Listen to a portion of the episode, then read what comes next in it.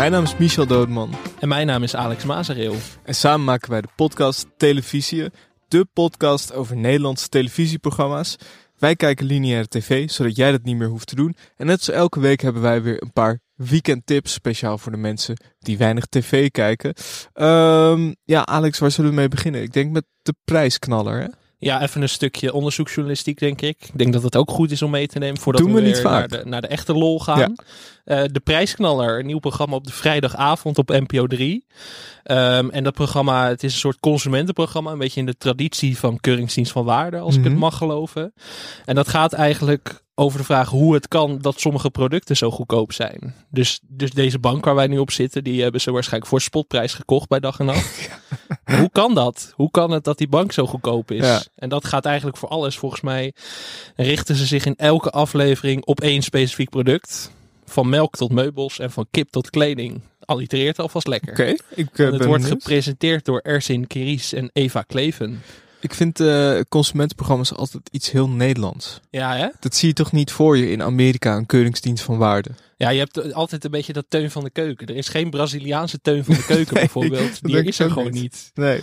Maar ik ben toch wel benieuwd naar dit. Hoe dat nou kan. Want ik zit me ook wel eens af te vragen. Hoe kan het dat zoiets heel goedkoop is. Als een, eh, een fles wijn van 2,50 of zo. Dan denk ik altijd van hoe, hoe wordt daar winst op gemaakt? Ja, ik zag de beelden en ze gaan ook echt, het is, dat vind ik altijd wel fijn, niet alleen maar vanuit de studio, maar ze gaan ook echt op pad.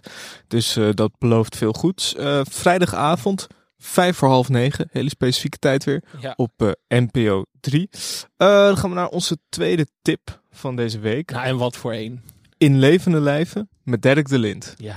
Dirk de Lind hoeft, behoeft geen verdere introductie. Dit is zijn presentatiedebuut. Ja, we moeten het misschien acteur natuurlijk. Gevierd acteur. eh, van Soldaat van Oranje tot Zwartboek.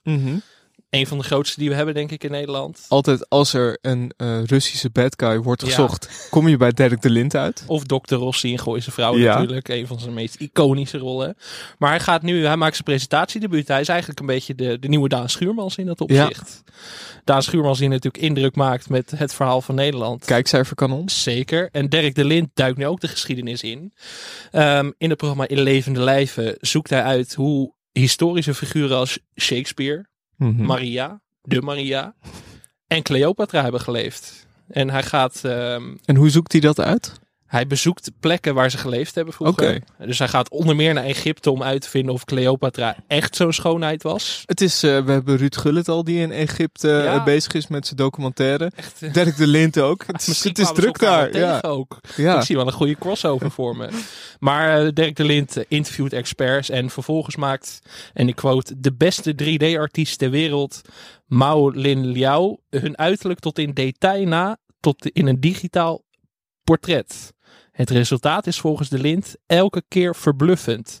Het voelt alsof ze je aankijken. Ben ik toch heel benieuwd hoe ze dat doen. Het is toch gek Ja? als, ik, als ik hier nou ineens met Shakespeare op de bank zou zitten. Het is toch een gekke ervaring. Wat, eh, wat leuk. Ik vind het wel, eh, vind ik wel leuk innovatief eraan. Zeker, en hij zegt ook van ehm, de Lind is een geschiedenisliefhebber. Hij was meteen enthousiast toen hij gevraagd werd, maar vond het ook spannend. Ja, kan hij zegt, voorstellen. normaal beslis ik op basis van een script of ik iets wil doen, maar dat was er nu niet. Ik weet net zoveel als de gemiddelde Nederlander. Dat is altijd goed als je aan het handje Ja. wordt genomen door iemand die er niet meer van weet dan jij. Maar ja, we hebben het er al eerder over gehad bij de NPO. Als je een hobby of een passie hebt, dan kan je daar een serie over maken. Ik denk dat ik volgend jaar een programma ga maken over de geschiedenis van Enkhuizen. Ja. Gewoon omdat het kan. Graag, graag. Ik eh, ben heel benieuwd. Eh, even kijken, dat is te zien op vrijdagavond 22 uur 19. Ja, dat Ja. je klaar zit. Eh, eh, toch gek, zo staat, het in de, zo staat het in de gids, dus daar gaan we maar op, vanuit. Hele specifieke reclametijden dit Op- weekend. NPO 2. En tot slot nog een kleine tip, een bekende tip. Ja. Tenminste, een nieuw seizoen van Vriendenloterij Miljonairs van Robert en Brink. Het heeft al acht verschillende namen gehad volgens mij. We kennen het als Bank Giro miljonairs, als Lotto Weekend miljonairs. Als volgens mij heeft het ook gewoon een keer Weekend miljonairs geheten. Ja. Het, eh, het maakt niet uit, maar als je Robert en Brink ziet, weet je meteen dat je goed zit. Ik vind het zo leuk dat de naam elke keer verandert en aan de inhoud helemaal niks. Nee, Helemaal niks. nee ehm, Bij de meeste programma's is het natuurlijk andersom. Ja, maar hier niet. En dat is toch de Robert en Brink factor, denk ik. En hij heeft zelf het succes verklaard van het programma. Vorig jaar bij Koffietijd zei hij van... Dit programma is zo'n succes omdat het gewoon de allerbeste quiz ter wereld is. Zie daar wel eens maar wat tegen in te brengen. Eh, ja, dus 15 vragen. eh, drie hulplijnen en kans op eh, heel veel geld. En een klein tipje voor de mensen op Twitter. Hebben we eerder in de podcast ook wel eens gedaan. Het Twitter-account Bank Giro Miljonairs. Ja, Met de beste vragen uit het programma. ja. Hij heeft nu dus niet meer met. Hij heet nu dus anders. Het heet nu in het echt Vriendenloterij Miljonairs. Maar je moet op Twitter even eh, verzoeken naar Bank Giro Miljonairs. Een van de vragen is bijvoorbeeld. Deze is gedeeld op 27 januari. Eén like maar. Ik vind dat daar verbetering in moet zitten. Ik hoop dat jij dit weet. Samen met Gordon vormde Gerard Joling jarenlang het bekende tv-duo Geer en... Puntje, puntje. A. Gier. B. Geur. C. Gaar. D. Goor. Ja, pittig. Ik weet dat het niet gier is, want je had grijpstaande gier. Ja. Dan moet het wel goor zijn, denk ik. Of dat het goede antwoord is, hoor je volgende week. Zaterdagavond, 21 uur 40 op RTL 4.